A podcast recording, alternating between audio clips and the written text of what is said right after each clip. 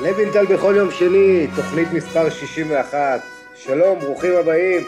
תוכנית שמסכמת לכם את מחזור סוף השבוע בליגות הגדולות. איתי, אני עמית לוינטל, איתי נמצא היום אורח שאני מאוד מסמפת, יעקב ליפשיץ, אוהד מילאן. אהלן יעקב. מה שלומך עמית? טוב להיות פה. יופי, ספר לי, ספר לי קצת על עצמך, אתה אוהד של מילאן, ראיתי אותך עם חולצה של ארטה ברלין קודם, נכון? אמת, כן, וחברים משם הביאו לי את החולצה, אז הרגשתי ככה צורך אה, ללבוש אותה. אה, אני מחובר למילאן אה, מהילדות בעצם, סבא שלי ואבא שלי עבדו בקהילה היהודית בגרמניה, שהם היו עושים מחנות קיץ באיטליה, משם התגלגלתי לקלצ'יו, לכדורגל האיטלקי ולמילאן. ואוהב את כל הכדורגל באירופה, פשוט רק באיטליה יש לי קבוצה מועדפת שאני הולך איתה שנים. ו... וכמובן לנבחרת, נבחרת איטליה. יפה, אז אנחנו עוד מעט נדבר על מילה. אה, נתחיל אה, ככה עם, עם הפינות הקבועות. אה, מה עשה לי את המחזור? אז כמובן, החורף בספרד, הגנרל חורף, לראות שלג תמיד עושה לי טוב בעיניים, לבן, צח, נקי, כל כך יפה. ריאל מדריד אפילו נעלמת בשלג, ככה ראינו צבעי הסוואה שכאלה. כמו שהולך השיר, ברד ירד בדרום ספרד, שלג ירד בשאר המדינה, אה, זה כמובן תוספת שלי, אה, אבל אה, באמת המזג האוויר בעונה שגם ככה יש בקורונה ובלאגן לוחות זמנים, רק קבוצות ששיחקו 19 משחקים, קבוצות ששיחקו 15 משחקים, הבדלים מטורפים בגלל כל הבלאגן של הלוז, כל העונה המצומקת הזו, ריאל מדריד אה, המריאה ביום שישי למשחק שלה בפמפלונה במקום בשבת כמו שהייתה מתוכננת, המשחק נגד אוססונה. אה, ואז היא התעכבה ארבע שעות בשדה תעופה, כמה ניסיונות אמרה, אה, בסוף הצליחה לצאת משדה תעופה ברחס במדריד, הגיעה, עד הרגע האחרון עוד היה ספק אם יהיה משחק, אנחנו נדבר תכף בסיכום על המחזור בספרד קצת על הטענות של ריאל מדריד. בכל מקרה, אחרי המשחק שם 0-0, ריאל עוד נתקעה אה, אקסטרה יום אה, בפמפלונה, ולמעשה רק היום היא ממריאה ישירות למלאגה, במקום לנסוע חזרה הביתה למדריד, היא טסה ישירות למלאגה, שם יש לה משחק גביע נגד אלקויאנו. הבלאגן הזה הביא גם לתחיית המשחק של אתלטיקו מדריד נגד בלבאו ולהרבה הרבה כאבי ראש בספרד, יחד עם זאת צריך להגיד, זה גם אה, יפה לראות בעיניים את כל השלג הזה, ובסך הכל בספרד, אה, שצריך להגיד, הכי נמוך שנמדד שם בסוף השבוע היה 35 מעלות בספרד, אה, זה היה מרענן, וככה זה חורף, אתה רואה לא מעט מגרשים לא במצב הכי טוב, וזה מוסיף עוד אלמנט למשחק הזה, אבל אין מה לעשות, צריך להזכיר שלא סתם הכדורגל משוחק. נכון שיש פגרות חורף במדינות מאוד קרות, ועדיין זה ספורט שמתחיל להיות, להיות משוחק באביב, העונה מתחילה סוף אוגוסט או תחילת ספטמבר, אז, אז אתה יודע, ונגמר במאי, זה ענף שמשוחק בעיקר בתקופה הקרה של השנה, צריך לדעת להתמודד. ומה שהרס לי את המחזור, אה, בוא נגיד ככה, כמו בכל שנה, כמו תמיד שמגיע ינואר, מגיע הגביע האנגלי, שיש לי סימפתיה אליו קצת, ההפתעות אה, וכל הסינדרלות והמסורת, אבל זה קצת מוציא מהקצב של הליגה, אתה לא זוכר מה היה, זה נכנס בניגוד למקומות אחרים, באנגליה משחקים את הליגה אה, בסוף השבוע, פעם בשלושה שבועות, מינואר ועד סוף העונה, זה הייחוד שלהם. קצת מוציא מהמומנטום ומהקצב בליגה, וחבר'ה, אנחנו גם נדבר בתוכנית הזאת על שלקה שמנצחת אחרי שנה עם שלושה ראשון של שחקן אמריקאי בליגה הזו, מת'יו הופ, אה, הופי ש, שכובש נגד הקבוצה של דיטמר הופ, אה, אופנהיים, בכל מקרה נגיע לזה אה, בהמשך. תשמע, אני מיד מגיע למילאן, יעקב. קודם כל אני רוצה לדבר על רפאל לאהו. אה, אז זה במסגרת פינת פורטוגליס. פינת פורטוגליס אה, שבמסגרתה, כידוע לכם, זו פינת הכוכבים הפורטוגלים שלנו. הפינה יש לכם בחסות החברה הגדולה והמובילה בישראל לאזרחות פורטוגלית, הלא היא פורטוגליס. אה, לאו, למי שלא יודע, זה, פורט, זה אריה בפורטוגזית, ורפאל לאו בהחלט נראה כמו אריה לאחרונה, מהיר, טורף, חד, חמישה משחקים אחרונים של רפאל לאו, רק בין 21 וחצי, שחקן ההתקפה של מילאן, חמישה משחקים אחרונים, שלושה שערים ובישול, הוא כבש במחזור הזה נגד טורינו, ניצחון של מילאן 2-0, הוא שיחק בעמדת החלוץ המרכזי, לא היה את זלאטן, רביץ' עם קורונה, אז לאהו תופקד מקדימה, בדרך כלל הוא מתופקד בקישור, בשלישיית קישור הקדמי, ומנצל את המהירות שלו מהכנף, בעיקר כנף שמאל.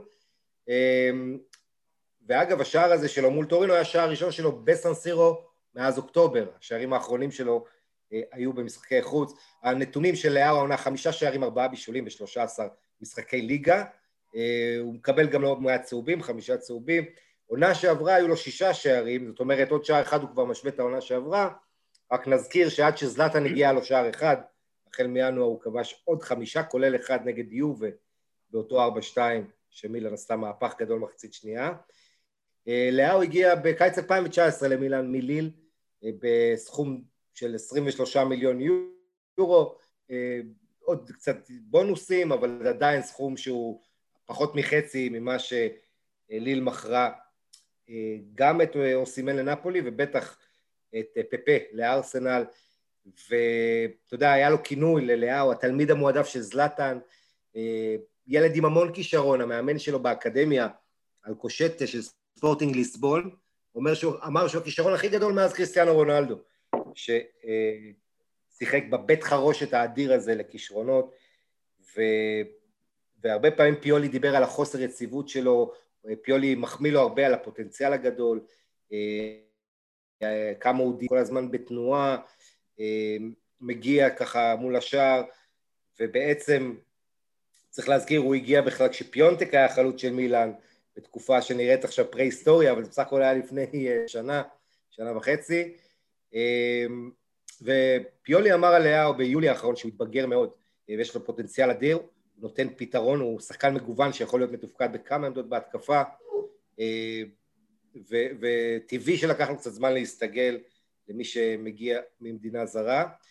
אה, ואתה יודע, המשחק, רק אני אגיד, לאהו העונה אה, פתח ב-11 משחקים בהרכב, 1.2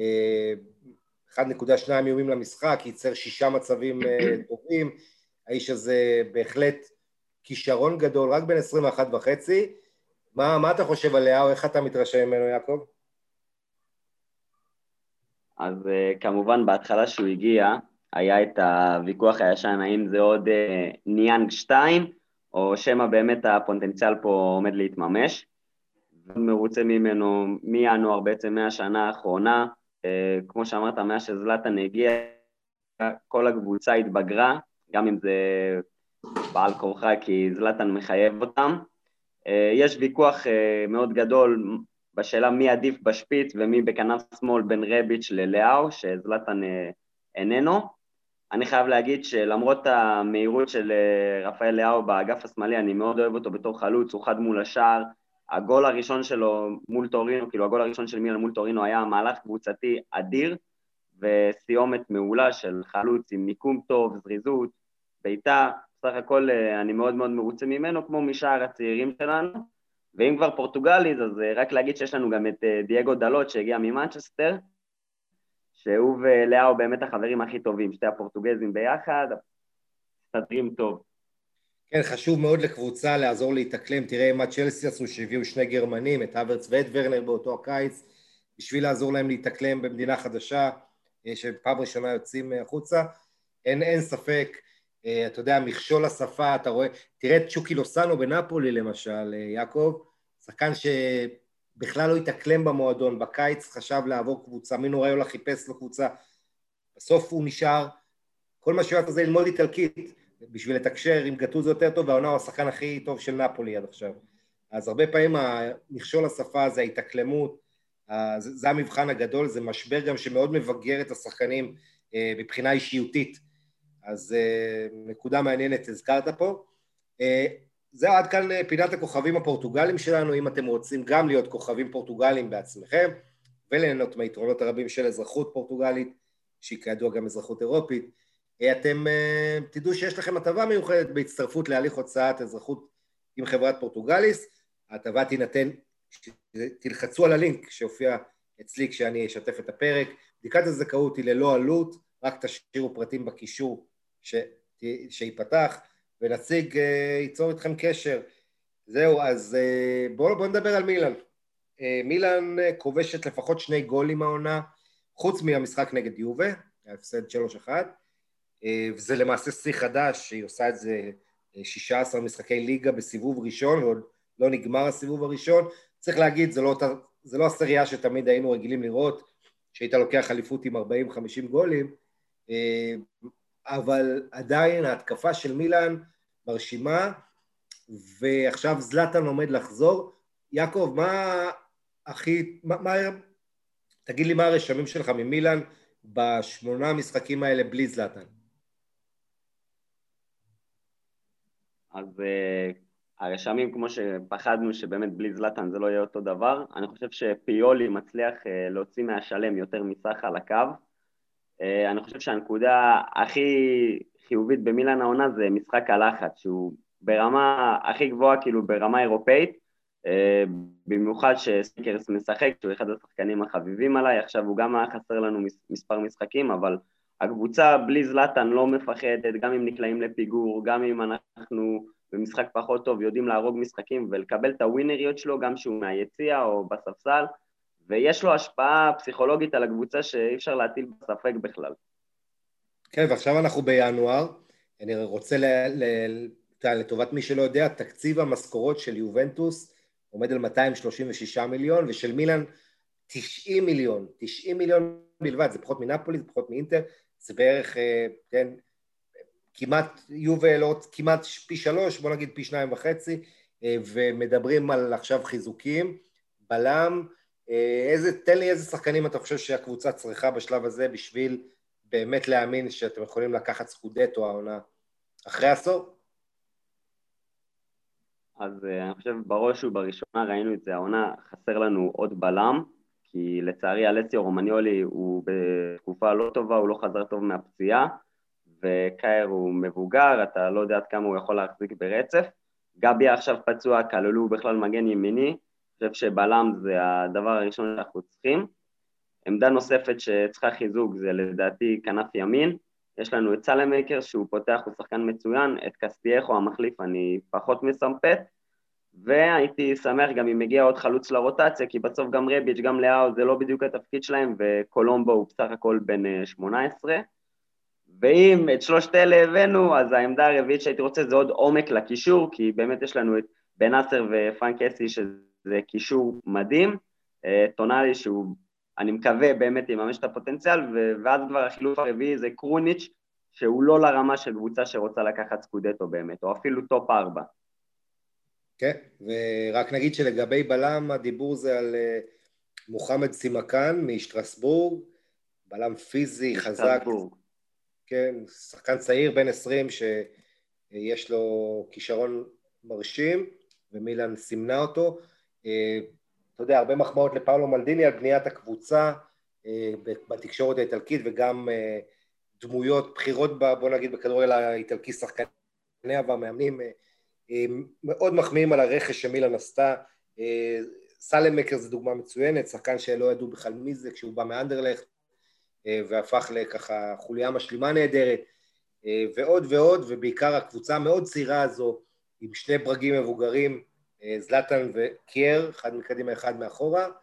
אה, ואתה יודע, הרוח הצעירה הזו, יש הרבה אנרגיות, אה, כסיה בקישור, בין נאסר, טונאלי, בהחלט קבוצה שאתה רוצה להאמין שעוד שנתיים, שלוש אולי אפילו תהיה יותר טובה, ושזה בעצם רק תחילת התהליך.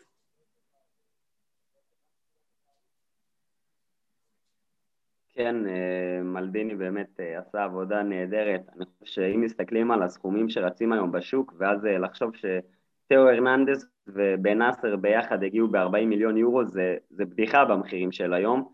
שתי שחקני, בעיניי תאו הוא עכשיו כבר טופ שלוש מגנים שמאליים בעולם, ואיסמעיל בן נאצר, אני בטוח שהוא יתפתח להיות אחד מהקשרים האחוריים המובילים בעשור הקרוב. ככה מילה... שבאמת הרכש של מילאן הוא נקודתי בפינצטה. כן, ומי השחקן שהכי מפתיע אותך לטובה העונה? אני, אם הייתי צריך לבחור אחד, זה דוד קלבריה, המגן הימני, שגם תופקד כקשר אה, לעת מצו, גם נגד יובה וקצת במשחקים האחרונים. אה, קלבריה שמוביל את מילאן בתיקולים העונה, ו... יודע, עשה קפיצת מדרגה, שחקן שבעצם אמרו לו, אם אתה רוצה תעזוב בקיץ, אה, לא כזה, לא כך בנו עליו, ולקח את ה... בשתי ידיים את האתגר, והפך בעיניי לאחד הבאמת מגן שהוא מניה בטוחה, עם קשיחות, עם תיקולים מדויקים ומתוזמנים היטב. מי הבחירה שלך? אה, אני חושב שבשחקן המפתיע של העונה אני חייב, חייב להסכים איתך, כי באמת אה, קלבריה זה לא עונה ראשונה שלו במילאן, הוא כבר היה סוג של אה, פטריק קוטרוני כזה, שחקן שהגיע מהנוער, שהקהל בסך הכל אוהב, אבל לא מצליח להתעלות לרמה של קבוצה כמו מילאן שייכת אליה, והעונה מבחינה הגנתית הוא פשוט חומה, וגם בהתקפה הוא תורם, היה לו את הגול היפה מ-30 מטר, היה לו את הגול נגד יובה, הוא משתתף בהתקפה, הוא בטוח בעצמו, אפשר לסמוך עליו, הוא גם בטקטיקה, במחשבה ההגנתית שלו, הוא שחקן איטלקי שאתה יכול לסמוך עליו, שאם הוא מסתבר עכשיו הוא יעיף את הכדור לחוץ ולא יעשה שטויות, זה באמת אה, קפיצת מדרגה ברמות הכי גבוהות. אני בדיוק דיברתי על זה עם האחים שלי, חשבתי יש את אשרף חכימי, אבל חוץ ממנו אולי קוודרדו וגור של אטלנט, אבל קלבריה בהחלט טוען לכתר אה, אחד מהמגנים הימניים הכי טובים בסריה, שזה פוזיציה שהוא לא היה בה בכלל בשנים האחרונות. לגמרי, ואתה יודע, יש את הפתגם הזה, כש... בכדורגל כשהולך אז הכל הולך, ומילאן שלא נראתה בדרך לשום דבר, זה לא שהיא גירדה, הייתה קרובה בכלל ליוב ובשנים הקודמות, ופתאום הכל מתחבר העונה הזו, וזה מרגש, ואתה יודע שפיולי בפיורנטינה היה דמות אב לקבוצה צעירה עם הרבה כישרונות, אה, בעצם, אתה יודע, מתאים לו מאוד לעבוד עם קבוצה צעירה, בייחוד זה בלט אחרי המוות של הקפטן והמנהיג דוידי אסטורי, המוות הטרגי, אה, כמה פיולי אז דמות שהפכה לסמל בפירנצה, אתה יודע, אני הסתובבתי בעיר לפני שנה וחצי וראיתי תמונות שלו בשוק, של פיולי, זה עוד לפני שהוא פוטר, ובהחלט, אתה יודע, הכל מתחבר שם טוב. בואו אה, נדבר על המחזור הזה באיטליה, נתחיל עם סיכום הליגות שלנו. אה, אז נשאר משחק אחד ספציה סמדוריה ערך הערב. אה, המחזור הזה הביא כמה משחקים לא רעים, אני חושב שגולת הכותרת זה רומא אינטר 2-2. אה, יובה שממשיכה לנצח, לסגור את הפער מהצמרת, היא שבע נקודות ממילאן ורק ארבע מאינטר עם משחק חסר אה, וכאשר בעצם בעוד אה, שישה ימים יש לנו את הדרבי באיטליה, אה, משחק מאוד גורלי לאינטר נוכח המצב שלה ואיך שהיא ככה מג'עג'עת. אז בואו בוא נתחיל עם מילאן, עם ה-2-0 הזה על טורינו. אתה יודע, היה שם רגע דרמטי במשחק הזה, שסנדרו טונאלי נשרק פנדל נגדו, טונאלי שרק חזר מהרחקה אחרי כרטיס אדום מטופש שהוא קיבל נגד בנבנטו, אה, אבל הוא לא עשה עבירה, הוא נפצע באותו מהלך, עשו עליו עבירה, השופט מרסקה פעמיים הפך את ההחלטה בVAR, היה שם בלאגן, בסוף הוחלט שאין אה, פנדל על סימון ורדי, ומילן ניצחה 2-0, מילן עצמה אה, לא פחות מ-11 פנדלים קיבלתם מהעונה, אף קבוצה לא מתקרבת לזה, כולם מקנות בכם. פרנק קסיה כבש מהנקודה אחרי שבלוטי הכשיל את בריין דיאס, ולאו, כמו שציינת, סיים התקפה נהדרת, עם מסירות קצרות וככה חדה ונהדרת.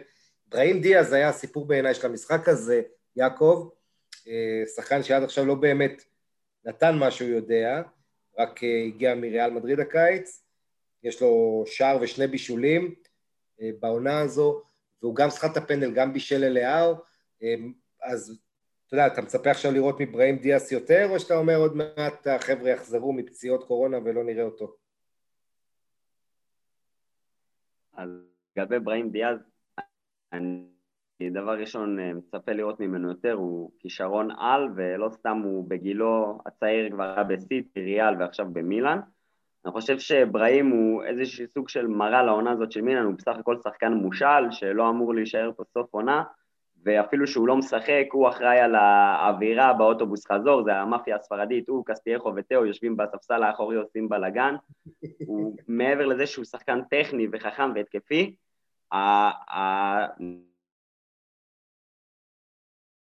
נשמעת הטקט, זה דברים שאתה לא רגיל לראות משחקן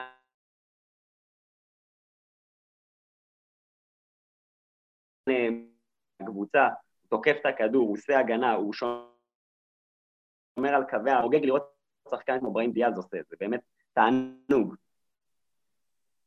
יפה, יפה שהזכרת את זה, כי הוא שיחק בעמדת העשר, איפה שאנחנו רגילים לראות את הקאן, ומשם הוא, אה, כמו שציינת, היו לו 13 מאבקים על כדור, הוא זכה בשמונה, אה, באמת הראה את מגוון היכולות שלו אה, עם קשיחות מאוד מרשימה, והוא רק בן 21, וכישרון שעושה רושם הגיע למקום המתאים, מילן שמטפחת כישרונות, יחד עם זאת, כמו שברור לנו, יהיה לו מאבק קשה על ההרכב.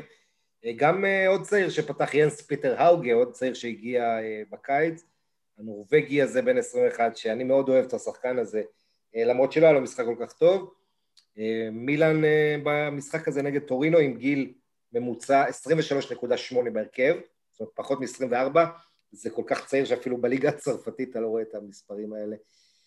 אמ, אתה יודע, אה, אגב, אמ, טוב בוא נעבור הלאה בעצם. אה, אה אתה יודע מה, רציתי לשאול אותך, קסיאס, איקר קסיאס, שחזר לריאל מדריד לאחרונה, מאחורי הקלעים שם, שמעת, הוא אמר על דו...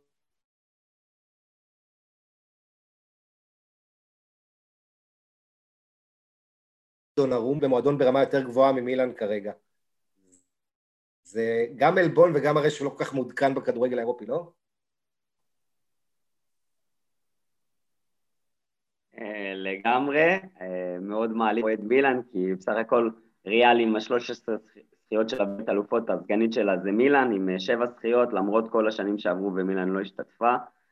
ג'יאן לואיג'י דונומה הוא מגיל 16 וחצי כבר שוער פותח במילאן, זה נתון מטורף, ובאמת סינצ'ה נתן לו את הקרדיט בהרכב, ומאז הוא לקח אותו בשתי ידיים. חושב שהוא השתפר בכמה אספקטים שהוא היה חלש בהם בשנים האחרונות, זה הקבלת החלטות, היציאה לכדורי הגובה, אה, הוא השתפר בזה מאוד, הוא נותן המון המון ביטחון להגנה, ולמרות שהוא מסיים חוזה בקיץ הקרוב, אה, יש כבר שיחות עם אה, מינו ריולה, שכמובן מקשר אותו כבר לכל מיני מועדונים בשכר עתק, זה חלק מהטריקים הידועים שלו לסחוט עוד קצת. אני מאמין שהוא יישאר, ובאמת המטרה שלו הייתה לעלות לצ'מפיונס עם אילן כל השנים, והשנה זו באמת מטרה ריאלית, ככה שאני חושב שלפחות בשנתיים הקרובות הוא יישאר במילן. כן, הלוואי, אני גם רוצה, חושב ככה, רוצה להאמין, זה הדבר הנכון, בייחוד שהדברים מתחברים טוב, ואתה יודע, אתה מסמן אותו, כ... הוא, הוא מסומן כבופון כבר הרבה שנים, היורש של בופון, שוער הבכיר של נבחרת איטליה, כיום אה, דונרומה, ואתה יודע, זה טבעי שהוא יהיה בקבוצה ש... עם אמביציות, קבוצה שנמצאת איפה שמילה נמצאת עכשיו בטבלה. אה, בואו נתקדם, יו ונצחת את ססוולו, 3-1. אה, משחק קצת מוזר, כי יובה היו שם אה, בעצם, אתה יודע, היה, היה שם מהדקה 45 שהורחק שחקן לססוולו או ביאנג אחרי פאול על קיאזה. בעצם יובה היו ב... לא כל כך הרשימו אותי במשחק שלהם, היה משחק מאוד פתוח. כן היו להם שמונה איומים למסגרת מול שניים של ססוולו, הם היו יותר טובים, אבל דווקא בעשרה שחקנים ססוולו, שאוהב לשחק פתוח, גם השוותה לאחת אחת, ודקות ארוכות זה היה נראה שיובה אולי לא תשיג את שער הניצחון, זה רק בדקה 82 אהרון רמזי אה, כובש אה, את השער, רונלדו חותם בתוספת הזמן שער 15 שלו בליגה העונה, קריסטיאנו רונלדו, אה, שכמובן, כמו שכבר שמעתם בטח, 759 שערים בקריירה, אה, משאיר מאחור את פלא ו... הוויכוח בין ההיסטוריונים זה על יוזף ביקן, האוסטרי-צ'כי הזה, שאף אחד לא ראה אותו משחק, אבל רשמו לו מספרים מאוד גבוהים, אז שאלה גדולה זה כמה הוא כבש, אם הוא השווה את זה או שעוד לא. אה, בכל מקרה, בוא נגיד ככה, רונלדו גדול הסקוררים אולי, לא אולי, גדול הסקורים בעיניי, ופשוט מדהים. זה שבא, מה עוד מעט הוא בן 36, והוא לא עוצר, הוא לא עוצר, אתה יודע, זה מרשים אותי שדקה 90 הוא עושה ספרינט כזה ועובר את כולם וכובש, כשהיית אומר, בגיל הזה אולי שחקנים היו מתעייפים, אבל רונלדו רק נהיה יותר חזק. דנילו עם שער נפלא, מזכיר לנו את האיכויות ההתקפיות שלו, בעצם דנילו מסיים עם שער ובישול, בישל לרונלדו מעמדת המגן הימני. שחקן שאתה יודע, אתה לא יודע איך לאכול אותו, מצד אחד אתה אומר דנילו הוא לא ברמה הכי גבוהה, ראינו גם בסיטי את החולשה ההגנתית שלו, מצד שני יש לו איכויות התקפיות, טכניקה ומשחקים מסוימים שהוא מראה אותה, את האיכות שלו. דפרל משווה עם שער יפה קבוצתי של ססוולו, ססוולו שבמשחקים מול הגדולות צריך להגיד, ססוולו עשתה את הפתיחת עונה הכי טובה בתולדותיה, אבל נגד הגדולות היא לפעמים היא מתרסקת, לא מזמן חטפה חמישה מאטלנטה, וגם כאן רמזי, השער האחרון שלו עד המשחק, צריך להחמיא גם לאפרבוט, המגן השמאלי, שבוא נגיד יובל בלי אלכסנדרו, בלי קוודרדו, שני המגנים שלה שיש להם חיוביים לקורונה, ככה ש... וגם בלי דליכט, שזה אולי הכי חשוב, דליכט שמחזיק את ההגנה, אז דמירל שיחק עם בונוצ'י במרכז ההגנה, ובסך הכל יובה מנצחת 3-1 מול עשרה שחקנים, ו... ויובה פתאום אופטימית, אתה יודע, רק לפני שבוע הייתה פיגור 10 ממילאן ותשע מאינטר, והנה עכשיו זה שבע ממילאן וזה ארבע בלבד מאינטר, כשליובה יש לו משחק להשלים. אתה עדיין חושב שיובה פיבורית לאליפות, שזו אינטר? אני חושב דווקא שאינטר באמת הפייבוריטים לאליפות, הסגל שלהם רחב מאוד, הם לא משחקים במפעל אירופאי שיקח להם כוחות וריכוז.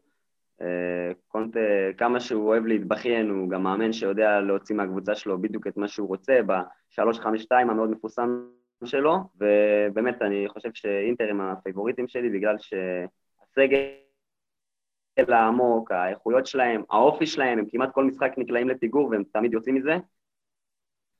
ולצערי כנראה שאינטר ייקחו את זה, למרות שגם יובל זה יהיה לצערי. בדיוק. כן. הם אפילו לא סיימו מקום שלישי בבית, שקצת ליגה אירופאית היה מעסיק אותם. בדיוק, ועונה שעברה הם הגיעו לגמר הליגה האירופית והפסיעו לסביליה אינטר, אבל בוא נגיד שיש להם בהחלט יתרון שהם, כשאירופה תחזור, אז זה בזמן שאחרות יהיו עסוקות, אינטר תתרכז רק בליגה. עד עכשיו זה הולך נורא קשה לאינטר, עושה 2-2 אצל רומא, קונטה עוד פעם זוכה לביקורות, המאמן הזה, שאתה יודע, לפעמים אתה מקבל את התחושה שהוא מלחיץ את השחקנים עם הלחץ שלו, והוא, אתה יודע, מכניס את קולרוב במקום חכימי, איזה חילוף כזה, ומשדר לקבוצה שלו, ואת פרישיץ' במקום לאוטרו, זה עוד מילא, אבל הוא משדר לקבוצה, לכו אחורה, תנסו לשמור על תוצאה, היו להם דקות נהדרות לאינטר מחצית שנייה, הם גם היו מחצית ראשונה יותר מסוכנים, למרות שהם נקראו לפיגור משער של פלגריני, שחטף הסתה של הכדור.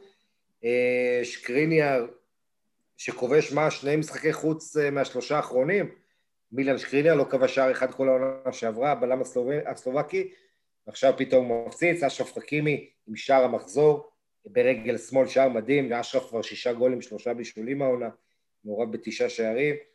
ברוזוביץ' שבשל את שני הגולים, בוא נגיד אחד מקרן, אתה יודע, זה שהוא מרים קרנות נהדר, אנחנו יודעים, ברוזוביץ' חמישה בישולים בארבעה מחזורים, אז יובה צריכה לשים לב לרמות שלו, אבל בסוף מנצ'יני, אקס אטלנטה, משווה לרומא, דקה 86 בנגיחה, אחרי כיס, כיסוי לא טוב של אותו שקרינר בהגנה, ואינטר הזמינה את זה, בסוף רומא יוצאת בוא נגיד שתי הקבוצות לא שבעות רצון לגמרי, כי גם רומא היו לה דקות מאוד חלשות, חצי שעה שהיא לא הייתה בכלל על הדשא, פתיחת המחצית השנייה, אבל אני חושב שבסך הכל אינטר המאכזבת היותר גדולה, ועושה רושם שאינטר צריכה איזה שלושה ארבעה מצבים בדרך כלל בשביל לתת גול, למרות כל התשבוכות של לוקאקו ולאוטרו מקבלים.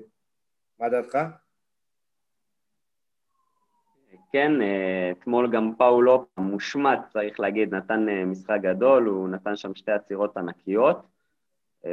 גם רומא יוצאת שבוע הבא למשחק קשה, זה דרבי דה קפיטלה, דרבי חוץ, לא שזה אומר משהו בלי הקהל, אבל גם הם וגם אינטר בעצם עשו תיקו לפני מאוד קשה. היה משחק אדיר לצופה הנראה אני מאוד נהניתי. אני כן חושב שקונטר, לדוגמה, קולארוב בשנה שעברה היה שחקן מוביל ברומא. הוא בקושי זוכה לדקות באינטר, וגם כשהוא שיחק הוא לא היה נראה טוב. זה כאילו מרגיש שקונטה יש לו שחקנים שהוא רץ איתם באש ובמים, וכאלה שחקנים שהוא פחות מאמין בהם. אריקסן זה הדוגמה הקלאסית, אבל יש לו כמה שחקנים שפשוט הוא מוחק אותם מהרוטציה, וככה הוא מצמצם לעצמו את הסגל לדעתי. כן, והזכרת את זה שיש ביום שישי דרבי אה, לאציו נגד רומא, אה, אז אה, בוא ניתן לך את זה, מילן שלך, אני עכשיו משווה בין חוץ לבית בליגה האיטלקית, ואתה רואה בנתונים שיש הרבה קבוצות שעושות יותר נקודות העונה בחוץ, מילן, בחוץ יש לה שבעה ניצחונות ותיקו, מאזן כמעט מושלם, 22 נקודות, בבית 18 נקודות. זאת אומרת, מילן יש מאזן חוץ יותר טוב משמעותית מבבית, ארבע נקודות הבדל, שני ניצחונות יותר. אה, אינטר זה מאזן כמעט זהה בית וחוץ, אה, אבל נפולי יש מאזן חוץ, שישה ניצחונות בשמונה משחקי חוץ לנפולי, בבית רק חצי, ארבע משמונה, היא מנצחת.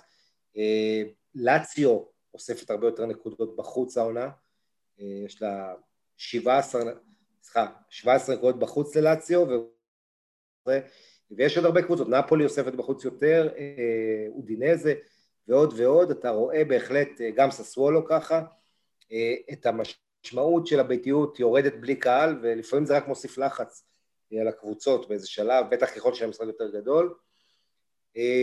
אתה ראית, השחקן של המחזור בעיניי, אנחנו מתקדמים הלאה, זה יוסי פיליצ'יץ', שאני פשוט תצוגה של פנומן של כדורגל. אטלנטה מנצחת בחוץ 4-1 את בנבנטו, בנבנטו, העולה החדשה הגיעה בכושר נהדר למשחק הזה עם שלושה ניצחונות בארבעה מחזורים, אה, רק הפסד אחד בחמשת המחזורים האחרונים וזה היה מול מילאן בבית, משחק שגם בו מי שראה אותו בנבנטו לחצה על מילאן ולא הפסיקה לאיים, אה, ומגיעה טלנטה וגם פה, היה איזה שלב שבנבנטו חזרה לאחת אחת ועד לדקה ה-69 אטלנטה התקשתה, אבל איליצ'יץ' שם פשוט ניהל את ההצגה עם אה, שער אדיר, הכיל איזה ארבעה מצבים בטוחים לשער, בישל עוד שער, עוד כדור שבישול הוקי שהוא בעט, השוער הדף והפך לשער, זאת אומרת מעורב בכל, בשלושה שערים, ובנוסף הדביק כדור לקורה וייצר מצבים כמו שאמרתי, דריבלים, פשוט פנומן, ופתאום אתה שוכח קצת מפפו גומז. אמ, הבלם רפאל טולוי ודובן ספטה שכובש ארבעה שערים בשלושה משחקים הצטרפו לחריגה, ולואיס מוריאל שעושה את מה שהוא עושה הכי טוב, עולה מהספסל וכובש. אה, מוריאל, שים לב לזה יעקב, אה, קודם כל פעם ראשונה בקריירה שלו כובש חמישה מחזורים רציפות, אה, והוא הסופר סאב האולטימטיבי, הוא שחקן שכבש הכי הרבה שערים מהספסל בעונה שעברה בליגות הגדולות של אירופה, והעונה אותו דבר, יש לו עשרה שערים בליגה, 12 בכל המסגרות, הוא כובש כל איזה 60 דקות, כל 50 דקות, 50 ומשהו דקות, עונה שעברה הוא הוביל את, ה, את כל אירופה ביחס גול לדקה, היה לו שער כל 69 דקות, הוא פשוט המחליף האולטימטיבי. הדיווחים מהימים האחרונים זה שיובנטוס, אה, שמחפשת חלוץ גיבוי למורטה ורונלדו, אה, עובדת על להביא את מוריאל, אבל אטלנטה דורשת שקולוסבסקי יעשה את הדרך ההפוכה ויחזור אליה, כמובן קולוסבסקי גדל בנוער של אטלנטה, אה, אז נראה מה יהיה עם זה, אבל אתה יודע, קבוצה, אטלנטה עם 27 איומים בחוץ, מול עוד פעם, מול קבוצה שיודעת לשחק, לא נמושה בשום אופן, 12 איומים למסגרת, וכל זה בלי פפו גומז. אה, אז אני רוצה לשאול אותך, אתה חושב שאם אטלנטה יכולה לעבור את ריאל מדריד, ועד כמה החיסרון של פפו גומז משמעותי בעיניך?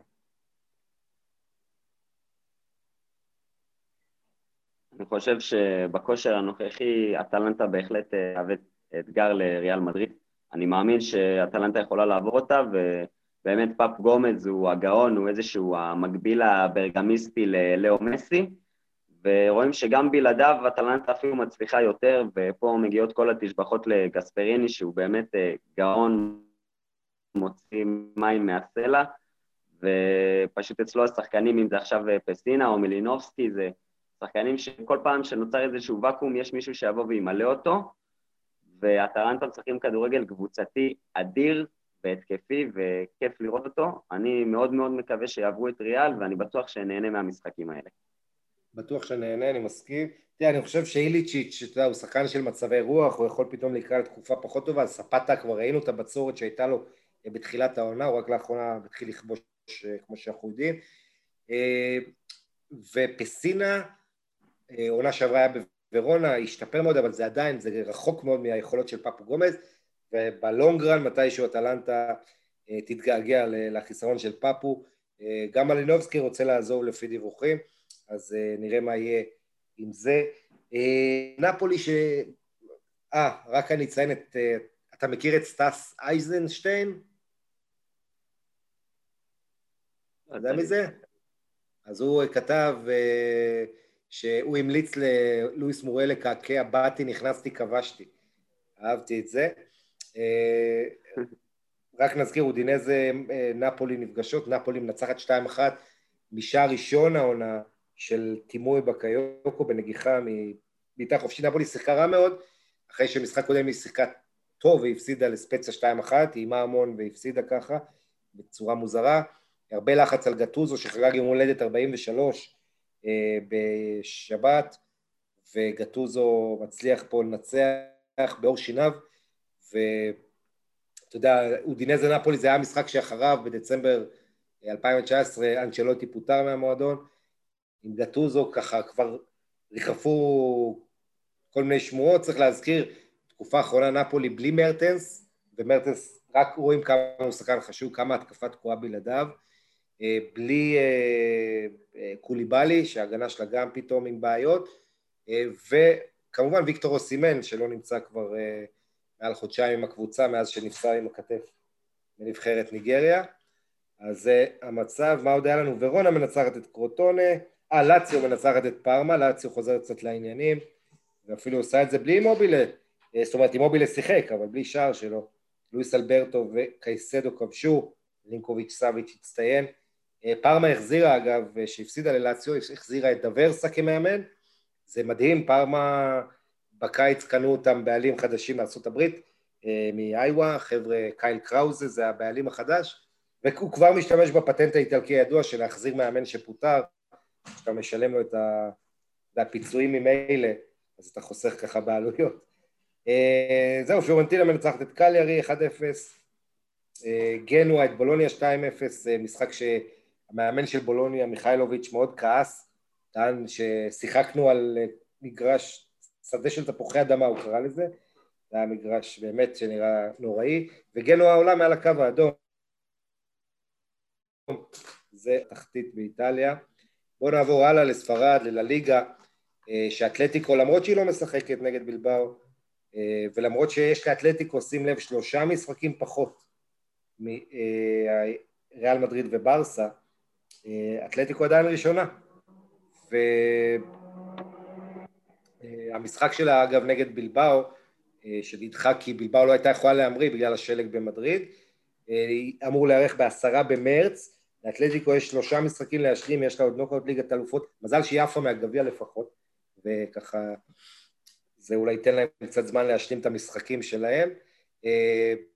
כזכור למי שלא יודע, אתלטיקו עפה מול קורניה מהליגה השלישית בספרד בגביע, קורניה זה קבוצה שהאיצטדיון שלה ממוקם 15-20 מטר מהאיצטדיון של אספניול, זה בעצם מעין קבוצת בת של אספניול אה, שמשחקת בקורניה אל פרט, אז אה, ריאל מדריד 0-0 אצל אוססונה, פעם שלישית העונה שריאל לא כובשת בליגה, שים לב אה, יעקב, ריאל מאבד נקודות העונה מול מקומות 13 ולנסיה, 15 על הווס, 18 אלצ'ה 19 אוססונה, גם מול קאדיס, עולה חדשה שמתישהו צפויה לרדת לאזור הנמוך. ואנחנו רגילים לראות את זידן תמיד שלו, לא, אתה יודע, לא אומר דברים אה, נחרצים. פה זידן יצא מקלה, והוא אמר אחרי המשחק, זה לא משחק כדורגל מה שהיה פה, היו צריכים לדחות את המשחק. הוא התלונן כמובן על כל התנאים, הטיסה. זידן עצמו בכלל לא היה אמור להיות על הקווים, אחרי שהוא היה אמור להיות בבידוד. ברגע האחרון קיבל אישור כן עם הקבוצה. אבל אה, אה, אתה יודע, זידן אה, נשמע מאוד טרוד אחרי המשחק, הוא אמר, אנחנו אפילו לא יודעים עכשיו מה יקרה, מתי אנחנו עולים על טיסה חזרה. כמו שעדכנתי, הטיסה נדחתה, הם נשארו שם עוד לילה, ורק אה, באיחור של איזה יומיים הם המריאו ישירות למלאגה למשחק הבא שלהם בגביע. אה, קורטואה, השוער הבכיין, התבכיין כהרגלו, על הליגה מה שהיא עשתה לנו, אנחנו לא מריונטות, זה לא קרקס, ורק שחקן אחד בריאל מדריד, טוני קרוס שערך משחק 300 במדי ריאל מדריד, היה צדיק והוא אמר שאין תירוצים, הוא אמר שמשחק לא יצרנו הרבה, משהו חסר לנו בהתקפה, אנחנו צריכים ליצור יותר, אי אפשר לבוא בתירוצים על המגרש כי שתי הקבוצות שיחקו עליו, אז טוני קרוס אה, גבר גבר, אבל תשמע, הרבה ביקורות על זידן יעקב, גם על העובדה שהוא עושה חילופים מזעזעים במשחק הזה, אה, אתה יודע, אין אחד שלא יתפלא שהוא הוציא את מרקו אסנסיו, השחקן הכי טוב של ריאל בתקופה האחרונה, היחיד שיש לו איזה ברק התקפי בכלל במועדון, צריך להגיד די אפור הזה, מאז העזיבה של רונלדו מקדימה, אה, עדן עזר שסוף סוף פתח, אה, ועדיין לא נראה, זה לא זה, אז הוא החליף את אסנסיו, הוא הוציא גם את מודריץ', שני השחקנים הכי טובים שלו, אה, וזידן חטף על כך ביקורות, ביקורות רבות. מה, מה, מה אתה חושב על העניין הזה? אז uh, אני, למשל, אני כואב לי שפדה ולוורדה לא מקבל uh, מספיק הזדמנויות העונה, אבל uh, אני כן אתמוך פה בזידן, אני במחנה קרים בן זמה, אני חושב שהוא חלוץ על, סקורר גול, מייצר מצבים, ככה שאני לא אוהב את כל הביקורות שמותחות שם, ובסופו של דבר uh, זידן זה מאמן שהביא שלוש צ'מפיונס ברצף, אז uh, הוא יודע מה הוא עושה, שחקנים גם מאמינים בו ואפשר לראות את זה, ואני חושב שיש עונות כאלה פחות טובות, אבל uh, ניהול רוטציה שלו באמת יכל להיות יותר טוב, אבל מי אני ומה אני שאני בכלל אעז לעלות על, על שפתיי איזושהי מילת ביקורת כלפי זינדין זידן. כן. ככה שאני לא ריאל, אבל עוד תומך בו. כן, אני אגיד לך משהו, זה באמת, אני בעמדת הפרשן אה, במשחקים, אתה יודע, מי אני שאני אעביר עליהם ביקורת, מצד שני זה התפקיד שלנו. מה שחשוב זה שהביקורת תהיה מקצועית. ושלא תהיה נודניקית ולא תראה מי אתה בכלל ואיזה שטויות אתה עושה. היא תהיה ממקום מכבד, מקום שאתה לא מבין ומעלה תהיות. אה, אבל אה, כן, יש תהיות, כמו שהזכרת, במדריד, על השימוש של זידן בוולברדה ובאודגור, אה, שני שחקנים שכמעט לא משחקים לאחרונה, שהדקות שלהם ירדו, זידן נתן רק פעם אחת לוולברדה לשחק בעצם עד הפציעה שלו בנובמבר בהרכב, בתקופה הזו שקסמירו, אה, מודריץ' וקרוס כולם נמצאים. אה, וגם עוד מול שכתר לא עלה בהרכב ככה שאתה יודע יש פה סימני שאלה וזידן כמו זידן אתה יודע תמיד הוא בסוף נותן את התשובה לכל המספידים והמלאיזים אה, ותראה זה נכון שריאל מדריד התקפית קצת מסורבלת זה, יש שם בור מאז העזיבה של רונלדו שעד שבפה או חלוץ לא יגיע שליד בן זמה אולי אה, זה, זה יישאר שם. העונה ריאל עם 30 גולים עד עכשיו, ב-18 משחקים.